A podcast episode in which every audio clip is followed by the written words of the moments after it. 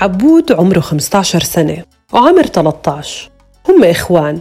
إلهم نفس الصفات ونفس الطريق. اللي دفع أمهم وأبوهم ياخدوا قرار.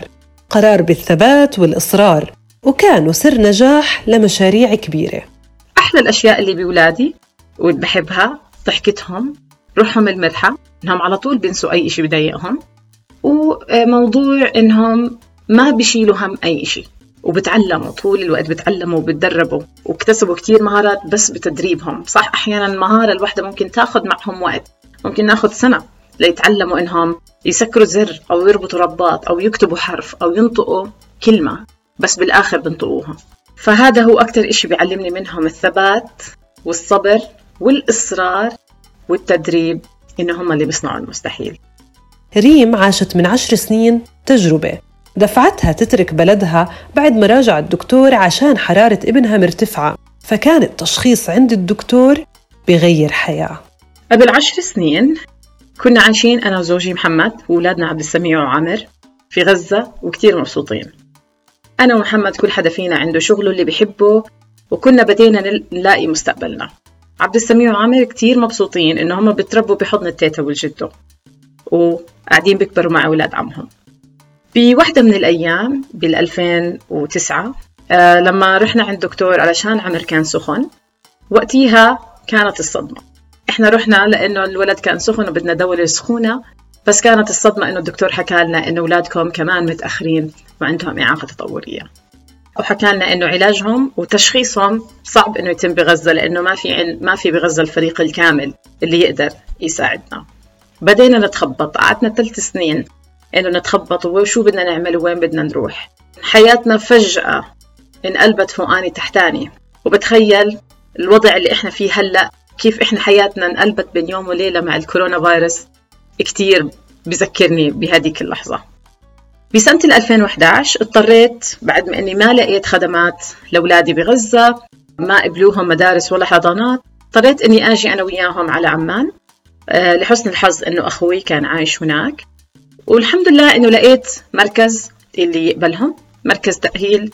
وبدينا أخيرا نشتغل معاهم بالقدرات اللي لازم يقدروا يوصلوا لها.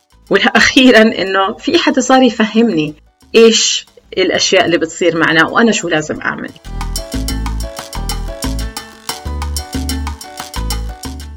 أهلا فيكم في بودكاست قصة قصيرة.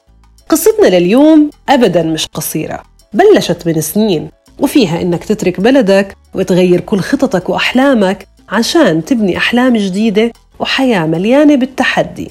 فيها نجاح بيخلي مشاريعك كلها مستلهمة من عيون أولادك.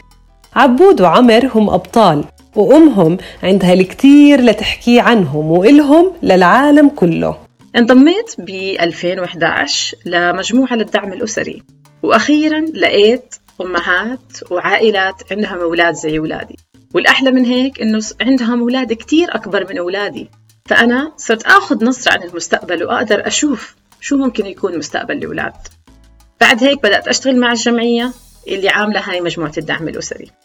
ومن اللحظات اللي بدأت تتغير بحياتي إني لما صرت أحس أول إشي إني أنا بشتغل وبنجز وكمان بشوف كتير عائلات عندهم زي ولادي وعمالي بتعرف على تحديات وبتعرف على ناس وشو ممكن نعمل.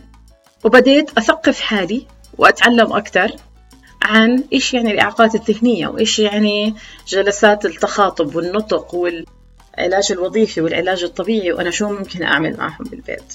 تأقلم ريم وقوتها وقدرتها على التعلم. كانت دائما تصطدم بنظرة مجتمع. اتعود إنه يأشر على أي شخص مختلف ويحطه في زاوية حرام الله يعين أهله. هالهمز واللمز ممكن يتحول لإعلان تلفزيوني؟ بصدمك بخليك تشوف حياتك بطريقة مختلفة. وبديت أنتبه لقديه إحنا عندنا المجتمع بيظلم الأطفال ذوي الإعاقة خصوصا الأطفال ذوي الإعاقات الذهنية.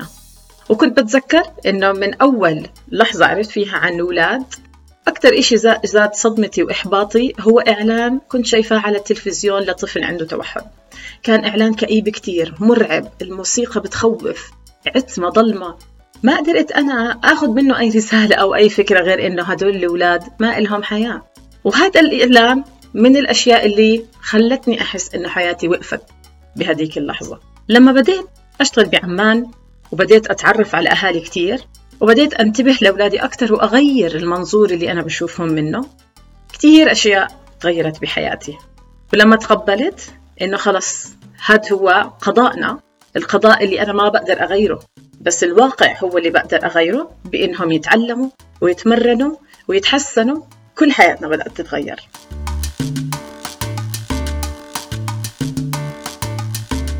الإعلان السلبي اللي صدم ريم خلاها مش بس تنتبه لأولادها وتغير طريقة تفكيرها. ريم شافت من أولادها وأصحابهم قصص قادرة تغير العالم ونظرتنا لذوي الإعاقات الذهنية وحولت النور اللي بعيونهم لنور يضوي الشاشات. بسنة 2013 انتبهت إنه عنا بالميديا أولادنا من ذوي الإعاقات الذهنية مش كتير بنبرز حياتهم بنسلط الضوء على النور اللي بحياتهم وعلى قدراتهم. دائما بنسلط الضوء على آه، الإعاقة تبعتهم بطريقة سلبية كتير وبيعطي كمان صورة سلبية كتير للأهالي التانيين وللمجتمع. فقررت إنه ليه ما يكون عندنا مسلسل كرتوني للأطفال؟ فيه شخصيات لأطفال من ذوي الإعاقات نفس أولادي ونفس أصحابهم. وفعلا طبعا بعد جهد جهيد وتعرفت على آه، شريكي اللي ساعدني في تطوير الفكرة وإنه نعمل نكتب السكريبتس ونكتب الحلقات. فعلا أنتجنا مسلسل كرتوني اسمه كلنا أبطال. وحاليا بنعرض على واحدة من أكبر الشاشات بالوطن العربي وبيحضروه ملايين الأطفال. وهو أول مسلسل عربي فيه شخصيات لأطفال من ذوي الإعاقة ظاهرين فيه بطريقة إيجابية وبالطريقة اللي أنا بحب الناس يشوفوا فيها أولادي. شعلة النور اللي تحولت لكلنا أبطال زاد وهجها. صار لازم تساعد كل الأهالي اللي عندهم أولاد بيعانوا من إعاقات ذهنية. وصار لازم تنور هالشعلة كل فكر ونظرة بتنمط حياة ذوي الإعاقة الذهنية. وصارت الشعلة عبارة عن مجتمع كامل قادر يفرض حقوقه بالوصول للمعلومات والوصول لحياة أفضل رافض كل الأطر. بعد الكرتون لقيت إنه لازم أخذ آه، التوعية لليفل أعلى. ولقيت إنه إحنا كأهل أنا وزوجي وكل الناس اللي حوالي إحنا الأهالي نحتاج دعم مستمر. كل مرحلة مع أولادنا هي مرحلة جديدة. أولادنا لما يكونوا أطفال ما بيحكوا. ولما يكبر ويصير مراهق ما بيقدر يحكي ومش قادر يتواصل. هذا بشكل تحدي كتير كبير لإلنا. وطول الوقت بنحتاج للدعم والتوجيه سواء من أهالي أهالي مروا بهاي التجربة من قبلنا أو من أخصائيين. من هون قررنا أنا وزوجي سنة 2017 إنه نطلق منصة حبايبنا دوت نت. نظرا لأنه ما في محتوى باللغة العربية. كان قادر يوجهنا شو نعمل وشو نسوي بالموارد اللي موجودة عندنا بالمنطقة. بسنة 2017 بدينا نتعاون مع أخصائيين وأهالي من النتورك تبعتنا من اللي إحنا بنعرفهم وتعرفنا عليهم خلال السنوات الماضية. وما كنا كتير محددين وين بدنا نروح. كان همنا إنه إحنا نخدم الأهالي اللي زينا. ولما أطلقنا المنصة بشهر 12 بال 2017 بدأوا الأهالي يبعثوا لنا من بلدان سواء من الأردن أو من البلدان الثانية واللي بدأ إنه بده يشبك مع أخصائي بده يحكي مع هذا الأهل وبده إنه يتواصل أكثر وبده يفهم أشياء أكثر. أنا وزوجي ما بنقدر نخدمه فيها. قررنا إنه طب ليه ما نجرب نحط كمان معنا أخصائيين؟ يصيروا يجاوبوا الأهالي على استفساراتهم ويساعدوهم. ومن هون اتطورت منصة حبايبنا. للشكل اللي هي هلا عليه إنه إحنا بنقدم عندنا مكتبة فيديوهات ضخمة من 800 فيديو بنقدم فيها المعرفة آه، والتثقيف للأهالي والمجتمع. وكمان عندنا دليل حبايبنا اللي بيسهل وصول الأهالي للخدمات. وعندنا خدمة المكالمات اللي بنشبك فيها الأهل مع الأخصائيين. ليقدروا ياخذوا استشارات فردية. وكونا فريق رائع فريق جزء منه هم أهالي زينا وجزء منه أخصائيين كمان بالمجتمع. وحاليا الآلاف بيزوروا صفحاتنا يوميا وبتفاعلوا معنا. التجربة اللي بيعيشها العالم اليوم هو واقع لأشخاص من ذوي الإعاقة الذهنية إنه طول الوقت محبوسين بالبيت إنه ما عندهم أصحاب. هيك ريم بتحكي. بس هي تقضي الوقت مع عبود عمر بطريقة مختلفة. فللأسف هذا الوضع بضله يذكرنا إنه لسه في عنا مهمة طويلة كتير ومهمة شاقة أكثر لنقدر إنه نشتغل مع الأهل من جهة ونشتغل مع المجتمع من جهة. ويقدروا أولادنا يكون في لهم معنى بالحياة شو ما كانت قدراتهم. إحنا هلأ بالحجر بنقضي وقتنا بكتير أشياء. بنحاول نستكشف الأولاد من أول وجديد. بنحاول نشوف شو قدراتهم وين وصلوا شو عملوا. آه، أحيانا نتخانق أحيانا كتير آه، بنصير نضحك مع بعض زينا زي أي عائلة. بس المهم بالآخر كل ما نفكر إنه أهم إشي سلامتهم وصحتهم بنقول كل إشي بيهون إحنا ما بنختار قدرنا بس قرار كيف نتعامل مع ظروف حياتنا هو اختيارنا.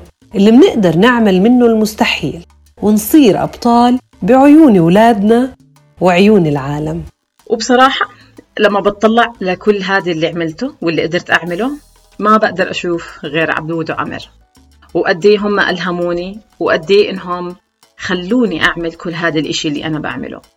صح إنه في لحظات كتير بالقبل بالأول كنت أتضايق إنه ليه أنا بصير معي هيك؟ وش معنى أنا؟ طب وشو بدي أعمل هلأ؟ طب والخطط كلها اللي خططتها سواء لإلهم ولحياتي أنا شو بدي أعمل فيها؟ بس هلأ عمالي برجع بستذكر هذه الأوقات وبقول إنه كل إشي بقرارنا. وإحنا لما بنقرر إنه بدنا نتغير بنقدر نغير ونتغير.